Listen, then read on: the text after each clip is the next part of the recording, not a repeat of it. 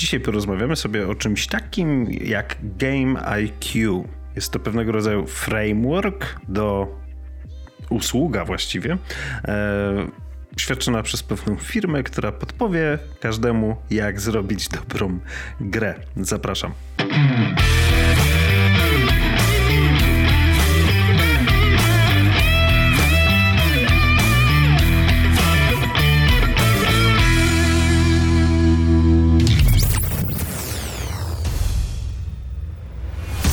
Właśnie podcast, czyli Daily Web na mikrofonie.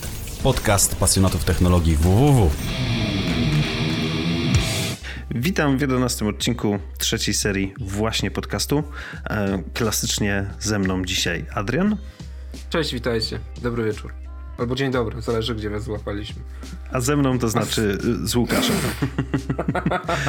dzisiaj powiedziałem to bardzo jak joda. W każdym razie, e, Adrian, temat na dzisiaj, który przytargałeś, e, Game IQ.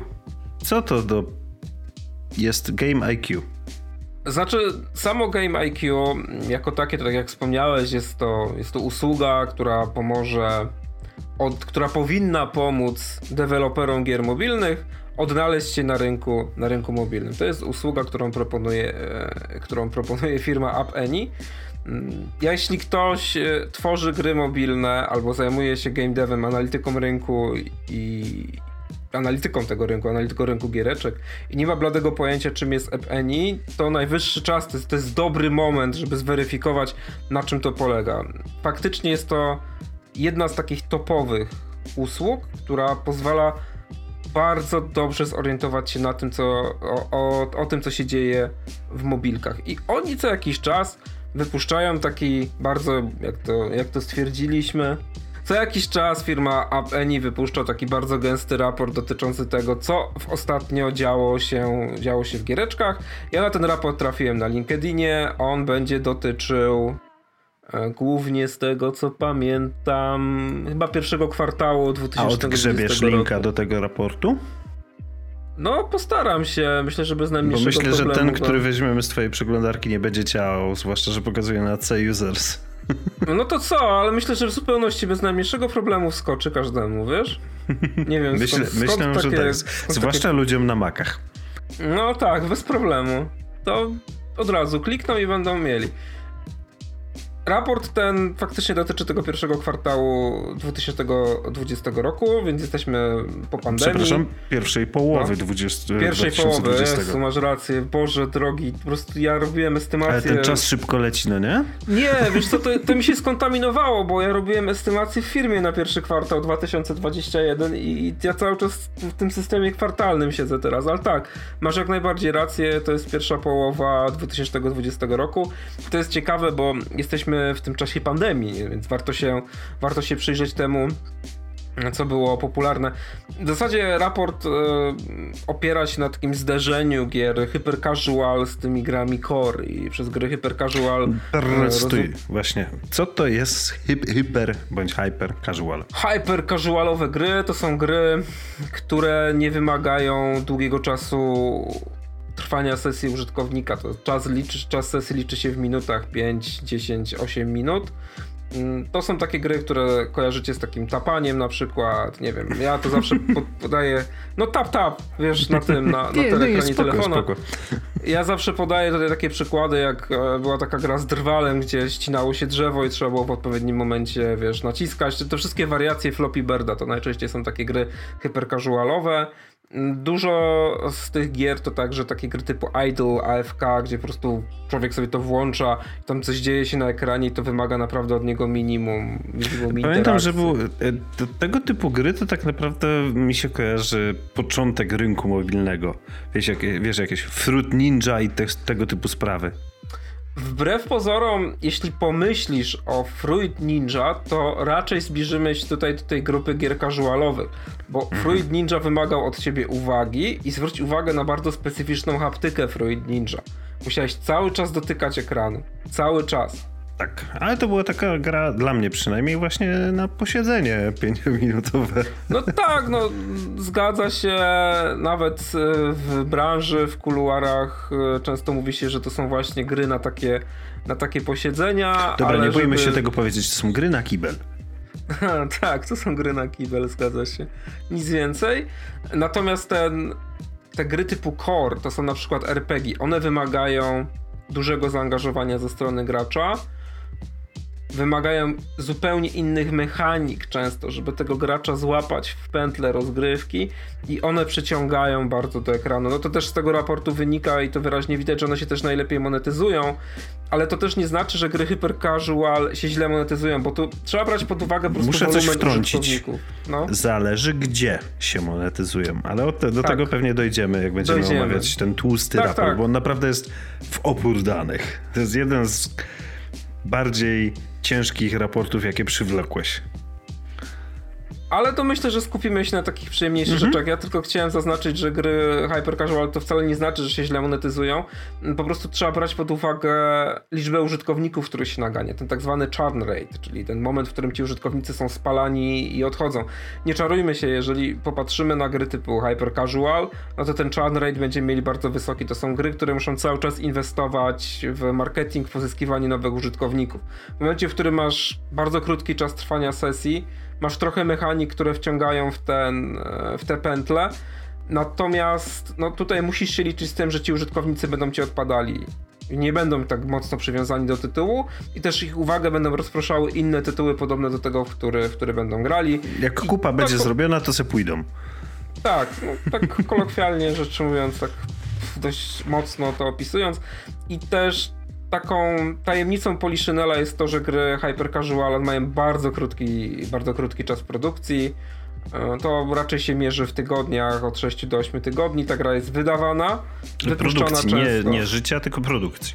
Nie, produkcji. Okay. Ona jest po prostu wydawana, wrzucana do, do sklepu Google'a. E, bierze się kilka wskaźników, które się chce zbadać, sprawdzić. Jeżeli gra sobie nie radzi po trzech miesiącach, jest ubijana i pojawia się, pojawia się następna. Jeżeli ja tutaj zachęcam do przejrzenia ofert niektórych polskich producentów, zobaczycie Na przykład? w tym momencie Huge Games. Zobaczycie w tym momencie można bardzo dobrze śledzić cykl produkcji, tego co się, co się tam dzieje i w jakim tempie oni wydają różnego rodzaju gry. Oczywiście w spółkach, córkach, ale to tam no, nie wspomniałem o tym. Warto się temu przyjrzeć, żeby, żeby zobaczyć, jak to wygląda. To nie są właśnie gry core. To są gry, które, o których się mówi, że mają często długi okres wsparcia. Natomiast gry hyper casual, jeżeli ona nie złapie w tym założonym czasie, jeżeli nie osiągnie tych wskaźników, to je się po prostu porzuca. Mhm. Nawet nie no, czeka no się na zwrot. Znaczy, wiesz co? Zawsze się optymalizuje to w taki sposób, żeby się. Chociaż żeby zminimalizować. Tak, żeby chociaż zminimalizować okay, straty. No dobra. Też...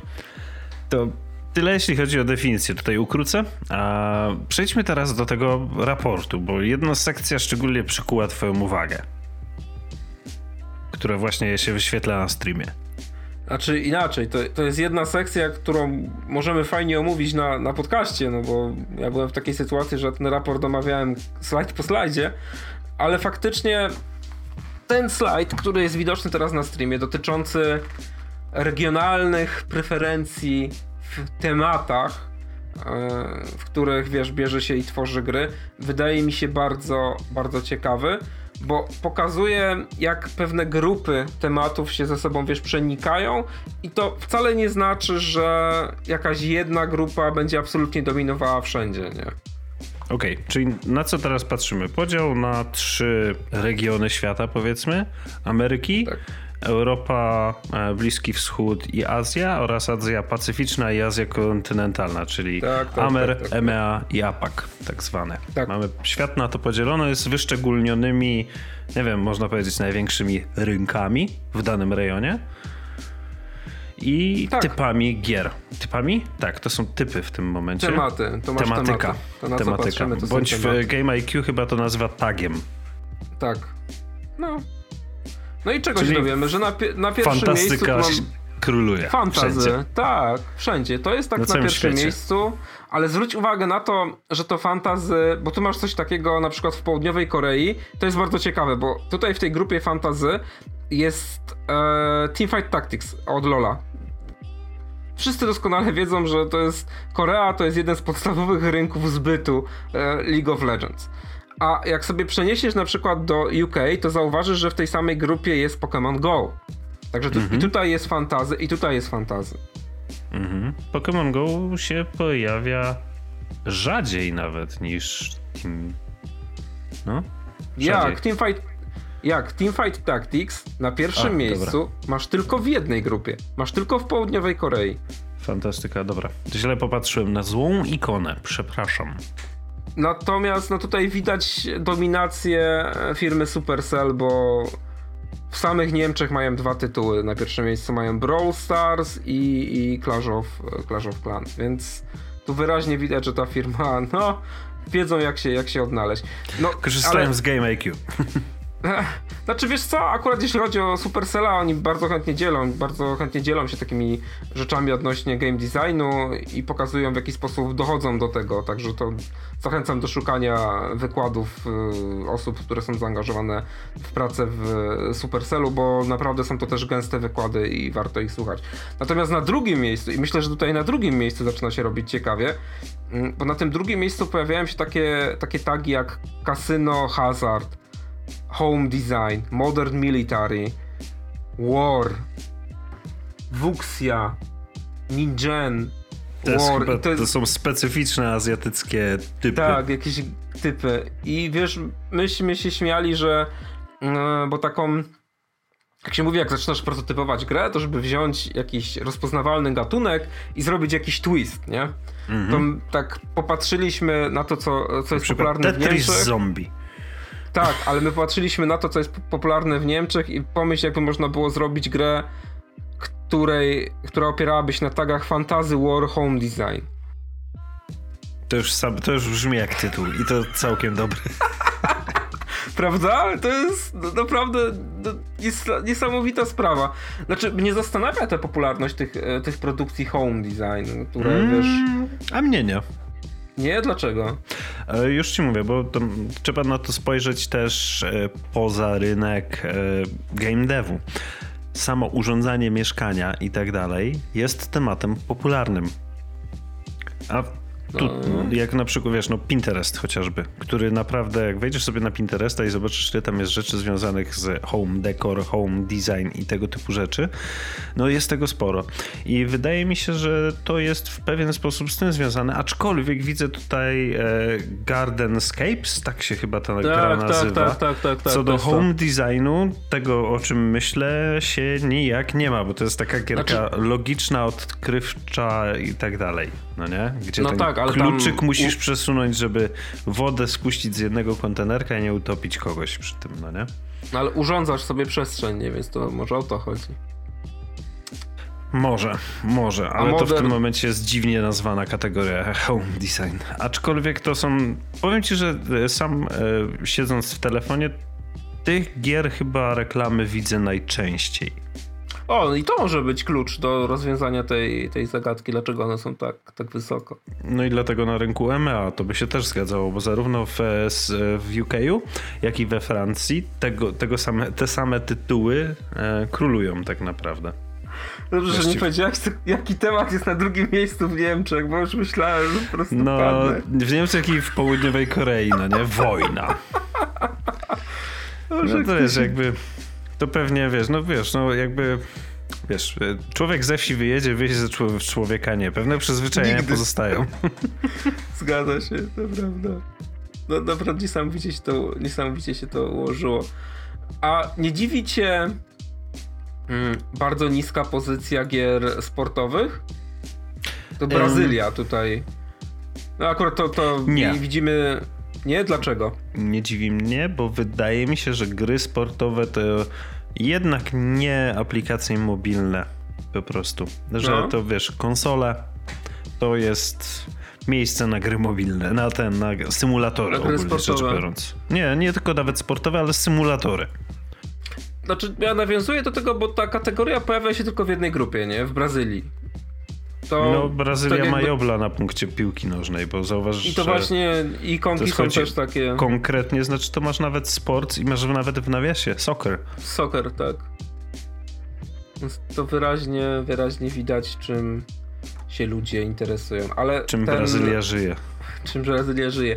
Ale to zestawienie, no tu uważam, ono powinno być jednym z podstawowych elementów dyskusji na temat tego, jaki prototyp się chce robić. Wiesz? Jaką grę robimy. No, tak, mhm. to prawda, bo to jest świetne w tym raporcie, że tutaj są ikonki tytułów i można pobrać po prostu te tytuły, zagrać w nie i wiesz, zobaczyć, co tam, się, mhm. co tam się dzieje. Co tam w I to naprawdę piszczy. rewelacyjnie, rewelacyjnie, rewelacyjnie działa. I jak zjedziemy niżej, no to mamy mm, informację na temat tego, że takie mechaniki wieloosobowe i dążące do jakiejś takiej rywalizacji rankingowej, to one przede wszystkim napędzają zaangażowanie w grę. Przy czym jest core. sporo różnych mechanik, tak naprawdę. Tak, Bo nie tak, chodzi tylko tak. o multi single playera.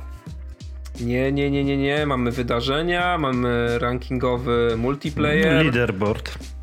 No, wiesz co, leaderboardy, wiesz co jest bardzo ciekawe, bo mm, leaderboardy wracają do łask.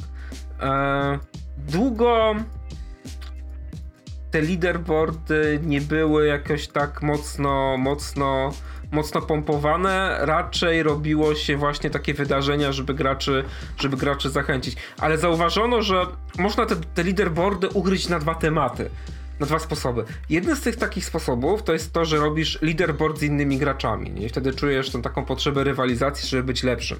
Ale widzisz, i to jest, to jest na przykład rzecz piekielnie ciekawa. Okazało się, że można te leaderboardy zrobić, żebyś ty sam ze sobą rywalizował. Wymusić na tobie takie wewnętrzne zaangażowanie.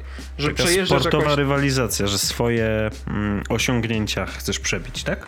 Tak, że kończysz, wiesz, udało ci się przejechać jakąś trasę, nie wiem, załóżmy, że mówimy o grze mobilnej, w której jeździ się na rowerze jakimś takim MTB i trzeba zjechać. I udało ci się zjechać w ciągu na przykład 80 sekund, nie? Mhm. I pojawia się na leaderboardzie, że, że tego dnia twój rekord to 80 sekund.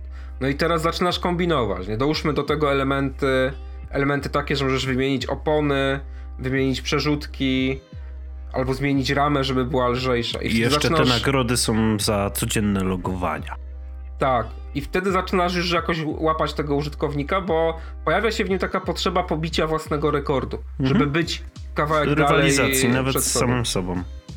Tak, i okazało się, widzisz, i okazało się, że to zdecydowanie lepiej angażuje niż takie e, takie rankingi pomiędzy graczami. Oczywiście to też zależy od tego, na jakim spektrum jest, jest odbiorca, czy to jest odbiorca dążący do rywalizacji i od rodzaju gry.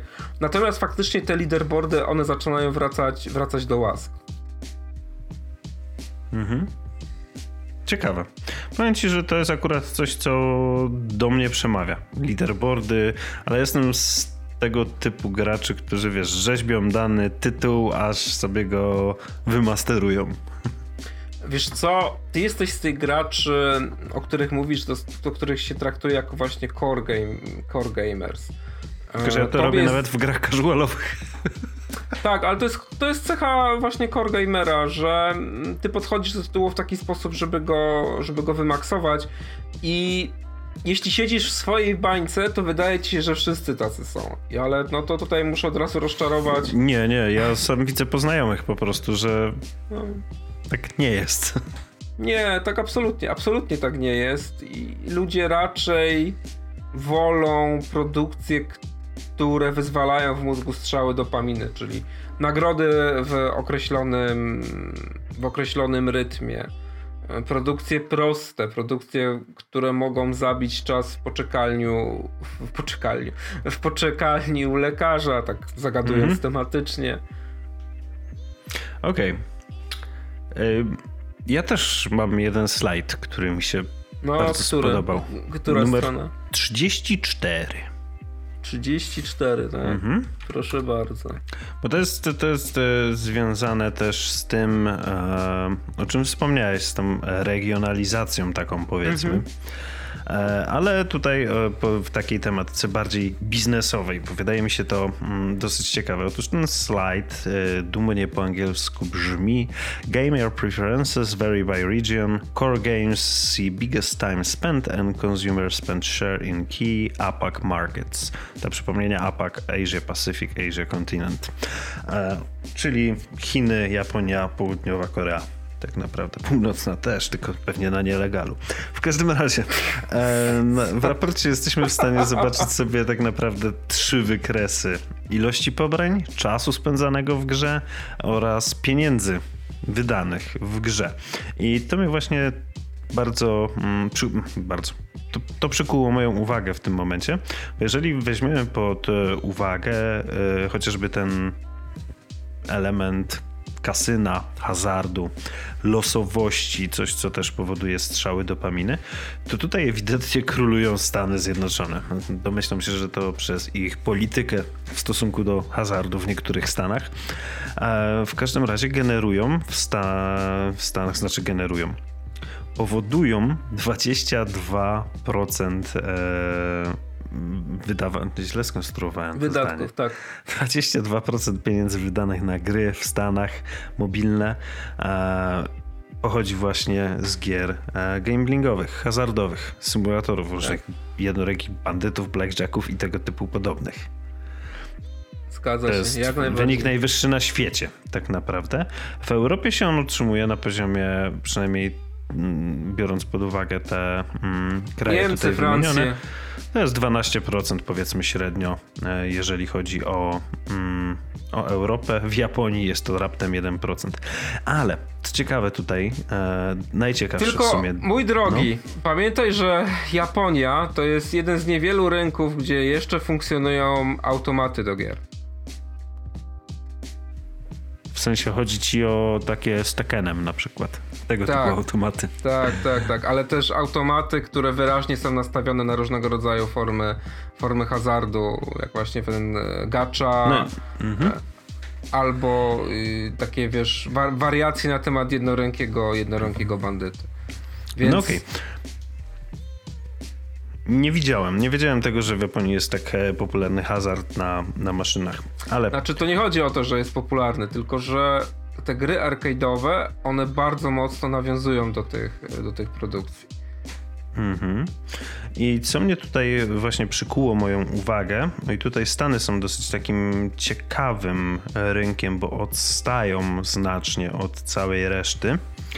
Jeżeli weźmiemy pod uwagę, że te gry hazardowe mm, to jest 22% e, kasy wydanej na gry, a raptem stanowią tylko 4% pobrań i 6% czasu spędzonego w tych grach, więc to jest tak.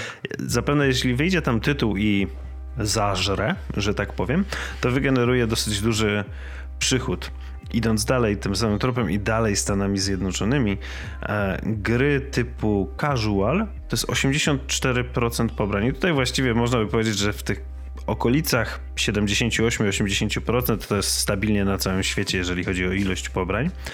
Przy czym w Stanach to generuje 38% zysku, a te korowe gry, czyli właśnie te, w których spędzamy więcej czasu, bardziej wymagające, te sesje są mniej regularne, ale dłuższe, to raptem 12% pobrań, ale jednak 40% zysku. Te gry to, to, to, to, też fajnie przekłada się tutaj, można e, zobaczyć, że jednak ilość pobrań średnio 80% to są te gry casualowe. Domyślam się też, że hyper casualowe też są w to tak, wliczane. Tak, tak, to do tego wora zostaje wrzucone. E, czyli te 80% generuje średnio powiedzmy 50% czasu spędzanego, mówimy o wszystkich graczach i raptem średnio ze z tego świata i raptem, no nie wiem, tak pi razy drzwi, 20% e, hajsu. I, czyli to jednak te gry korowe, mimo że pobierane najrzadziej, grane nie jakoś turbo często, pod względem ilości czasu spędzonego, generują jednak e, ponad połowę średnio zysków na całym świecie. Znaczy, wiesz, to nie jest żadną taką tajemnicą i my tutaj też Ameryki nie odkrywamy, e, mówiąc o tym, bo przekładając to, o czym ty mówisz, to jest tutaj taka prosta zależność. Zauważono silną korelację pomiędzy zaangażowaniem gracza w rozgrywkę, a tym, jak chętnie wydaje pieniądze. Im bardziej jest zaangażowany, tym chętniej wydaje pieniądze. No to I dla mnie też- jest dosyć logiczne. No i to jest naturalne, no, tak to wygląda. Jak się do czegoś E, przywiążesz, to jesteś bardziej skory włożyć te pieniądze, bo Zgadza jak masz się. coś odinstalować za tydzień, to po co wkładać w to hajs, no nie? Tak, i teraz pomyśl sobie właśnie o grach typu Hyper Casual. Jak bardzo czujesz się z nimi związany? Mm, teraz pytasz e, o moje osobis osobiste podejście do tego typu gier, czy to, co No myślę no, o no. ludziach? Znaczy, ustaliliśmy, że to jesteś graczem korowym, czyli jak ty dostaniesz nawet grę casualową, to będziesz próbował ją wymaksować, nie? tak. Tak. A jak popatrzysz po znajomych? Nie. No właśnie. Mają na to wyrąbane, to jest dla, zabi dla zabicia czasu. Właśnie tak jak wspomniałeś, kolejka do lekarza włączę, nieważne ile czasu mi tam zajdzie, zejdzie w tym, nieważne co tam mam zrobić, po prostu wiesz. Zabijać czasu, no bo w kolejce na, do lekarza nie odpalisz filmu. Możesz nie mieć słuchawek ze sobą. Tutaj polecam e, odcinek o dostępności, bo tam też mówiliśmy o takich rzeczach i o napisach. Mówiliśmy, w, każdym, mówiliśmy. w każdym razie nie jesteś w stanie konsumować tych na przykład social mediów w ten sam sposób jak e, w innych sytuacjach, czy też filmów, dlatego pozostają, obstawiam takie gry, które i tak są wyciszone w tym momencie. Tak, tak, to prawda. No, tak to niestety wygląda. I ja w ogóle zachęcam do zrobienia, do zrobienia takiego eksperymentu. Hmm. Jak Co się się czujesz? Ja? Dobrze. E, Zachęcam do zrobienia takiego eksperymentu, jeśli, jeśli macie jakichś znajomych, którzy dużo grają w takie różnego rodzaju gry mobilne typu casual i hyper casual. Zapytać ich, żeby wymienili. Przepraszam, żeby wymienili trzy ulubione Jak się tytuły. czujesz? Dobrze, ale ja akurat, ja akurat ziewałem, więc Łukasz, to jest Ja sobie ale to był mokry kaszel. Różnica, różnica wiesz, poziomów i problemów. Mm, Żeby zapytać ich o trzy ulubione tytuły. E, Jeśli nie wymienią tych tytułów, to żeby poprosić, żeby pokazali ikonki tych ulubionych tytułów. Ale pokazali je gdzie? U siebie na Na telefonie, przykład- czy Nie, no w sklepie. Niech wejdą do tych, e, wiesz... Aha, rozumiem. Chodzi ci o to, że przywiązanie jest na poziomie interesuje mnie to tyle, co zeszłoroczny śnieg. Tak. Znaczy, to, to jest do sprawdzenia. Ja zachęcam do, do, do zweryfikowania tego. Tam ciekawe wnioski się pojawią. Pamiętajmy, że to są najczęściej pobierane, pobierane gry, więc raczej nie powinno być problemu znaleźć takie osoby. No, bez najmniejszego. No to w takim razie, jeżeli to są najczęściej pobierane gry, to te osoby nie powinny mieć problemu z wymienieniem ich tytułu, nie? No tak, ale to jest smutne. Robisz gry, które nikogo nie obchodzą, a jednak w to gra. Wiesz co, to, to nie chodzi o to, że, że Ale nikogo nie pieniądz obchodzą. jest. No właśnie do tego zmierzałem i to, czym ja cały czas też, Jezu, ja to tak męczę tę bułę na tym Daily Webie, mówiąc o, o tym, że game dev już od wielu, wielu lat to jest zwykły biznes. Naprawdę, to, to jest zwykły biznes, to jest sektor branży rozrywkowej jak każdy inny, który dzieli się na produkcje takie, które mają przynosić zyski i produkcje badające granice gatunku na produkcje artystyczne. Tych drugich jest zdecydowanie mniej, a jeśli już się pojawiają, to bardzo krótko żyją, bo okazuje się, że nikt ich nie kupuje i zdychają całe studia razem z tymi produkcjami. Jest naprawdę niewiele studiów, które mogą sobie pozwolić na to, żeby mieć produkcję in-house mm, jakiegoś, jakiegoś wyjątkowego tytułu, który będzie łączył różne gatunki, a przy okazji na przykład zarabiać, nie wiem, jako work for hire. To są przypadki, które można policzyć na palcach jednej ręki. I co z tego wynika? A wynika to z tego, że jak robisz grę, w którą nikt nie gra i, i czujesz się z tym źle, e, no to może trzeba się zastanowić, dlaczego nikt w nią nie gra. No, Bo to, to może- nie jest powiedziane, że wiesz, że, że to jest do kitu produkcja, nie? Wiesz co, e, patrząc na markety z grami, no to są cmen- cmentarzyscy, cmentarzyska tak naprawdę, no bo ilość aplikacji i gier, gier w tym wypadku, która jest wypuszczana jest zatrważająca, a ilość tych, które odnoszą sukces, no to jest tak jak wiesz, ze startupami i tak dalej, no jednak wiesz, nie każdy ten sukces osiągnie, to tak niestety, niestety nie działa. W każdym razie Ergo naj, najlepiej się angażować w tytuły hyper-casualowe, bo wypuszczasz ich dużo i często i się nie przywiązujesz. I masz wyższe prawdopodobieństwo, że któryś wyjdzie. Tak, jeżeli któryś złapie, no to wtedy będziesz miał fundusze, żeby sobie pozwolić na zrobienie jakiejś gry korni i przepalić Kolejnych te pieniądze. 12 do kosza i 13 znowu będzie fajny. I znowu będzie fajne. No ale no, to wiesz, no, no niestety tak to wygląda, no. I tak to się żyje na tej naszej rynek. mobilnie gamingowej wsi. Ale, ale to, to, to nie jest tak, że, że jakoś na PC-tach albo na konsolach jest inaczej. To jest też w ogóle. No ja mam takie wrażenie, że doszło do jakiejś takiej polaryzacji, że są zwolennicy tego rynku desktopowo-konsolowego i, i zwolennicy rynku mobilnego. I ci zwolennicy zamiast się spotkać, wiesz, te grupy zwolenników zamiast spotkać się po środku i stwierdzić, że tak naprawdę te sektory dziedziczą bardzo dużo problemów, to oni na siebie naskakują. A Jedni teraz mówią, że będzie nie to ma... wzmożone.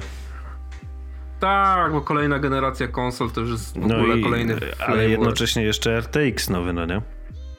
Tak, tak, no, idealne. Prostu PC będzie framework na No, te sektory naprawdę dziedziczą mnóstwo problemów, a jednym z tych problemów podstawowych jest przesycenie tytułami na rynku. No, wiesz co, ja teraz robiłem research, bo trwa właśnie Digital Dragons w formie online. Mm, Zrobiłem, mam tabelkę z 64 tytułami, które były w takim, w takim internetowym indie showcase. No i chcę sobie zrobić zestawienie, wiesz, zobaczyć ile tytułów miało demo i ile tytułów to jest w ogóle self-publish- se- self-publishing, czy mają elementy single player, multiplayer. Chcesz mi powiedzieć, Wiesz- że przygotujesz raport? No muszę. No może się z nim podzielisz, zrobimy o nim No odcinek. zobaczymy, ale to, to muszę się Jeśli będziesz mógł oczywiście, jakby, No, bo wiadomo, muszę- to jest IP. Się, tak, muszę się zapytać w firmie, czy będę mógł się tym Może w formie reklamy. podzielić. Mhm, mhm. Może, może. E, wiesz, i no tak patrząc już na to, co, co się teraz dzieje, i tu mogę zdradzić, jest bardzo mało produkcji, które są mobile first. Ale jednocześnie nie dziwi mnie to, że jest tak mało tych produkcji, że one są w tym takim, wiesz, indie showcase internetowym i one się nie pojawiają. No bo jak pokażesz teraz w formie internetowej tę swoją produkcję mobilną? Ja pamiętam z Digital Dragons, jak jeszcze przed pandemią, jak jeździliśmy, tych stoisk z produktami mobilnymi to było od groma. Tam praktycznie potykałeś się o tych ludzi. Każdy miał podłączony telefon i mogłeś sobie, albo jakiś tablet i mogłeś sobie w coś, w coś zagrać. A tu w ogóle zwrot o, o 180 stopni i nagle się okazuje, że jest zdecydowanie więcej gier na PC, no ale jest zdecydowanie Ale to łatwiej przez to, że nie biorą udziału po prostu, no nie? No, tak. Tak, zgadza się. Jak taką grę pokażesz w obecnych warunkach? To jest... I jest, wiesz... Musiałbyś mieć jakiś swój prywatny market i komuś udostępnić na chwilę, no nie? Jedynie. No, bo to założysz, że. No bo to często jest tak, że na tych prezentacjach, no to te, te sprzęty, na których uruchamiane są gry, no często te produkcje są już optymalizowane pod te, pod te sprzęty, żeby Tak, tam dobrze wąskie portfolio hardware'u, na którym to będzie działać, albo jest to spięte na plastelinie i sznurku. No tak, tak. I jeszcze gumką recepturką się trzyma. A teraz wypuszczasz to do klientów, udostępniasz im No, swoje wiemy jak działają APK. dema, no nie? No. Udostępniasz im e, APK e, i, i co? I oni odpalają na swoim telefonie i to nie działa, tak? No mógłbyś Zarobiste. e- ewentualnie dać zdalny dostęp do tego telefonu, na którym jest ta gra, ale to też jakby experience z tego będzie raczej Marny. na poziomie podłogi, no nie? No.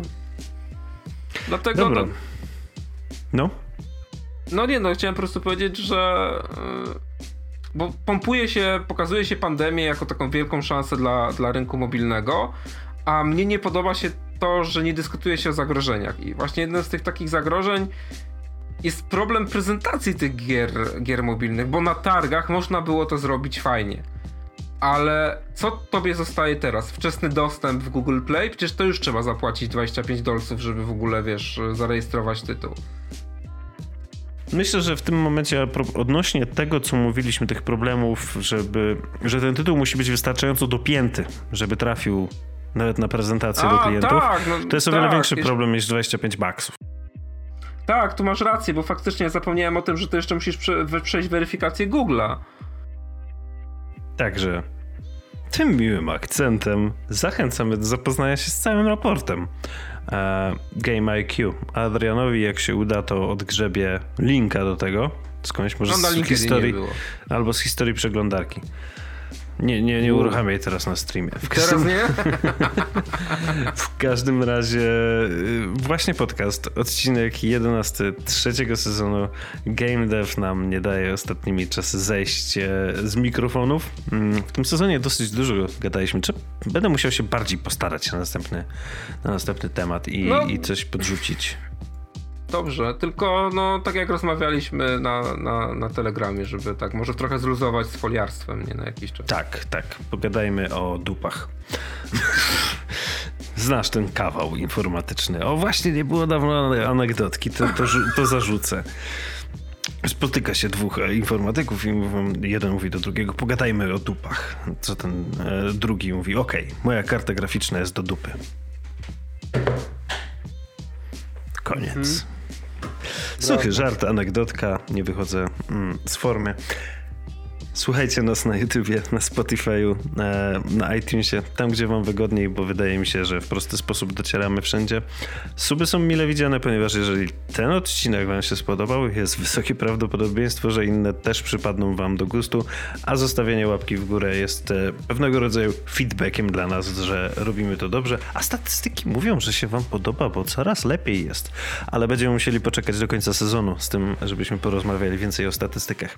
W każdym razie, w odcinku odcinku 11 przed Państwem wystąpił Adrian.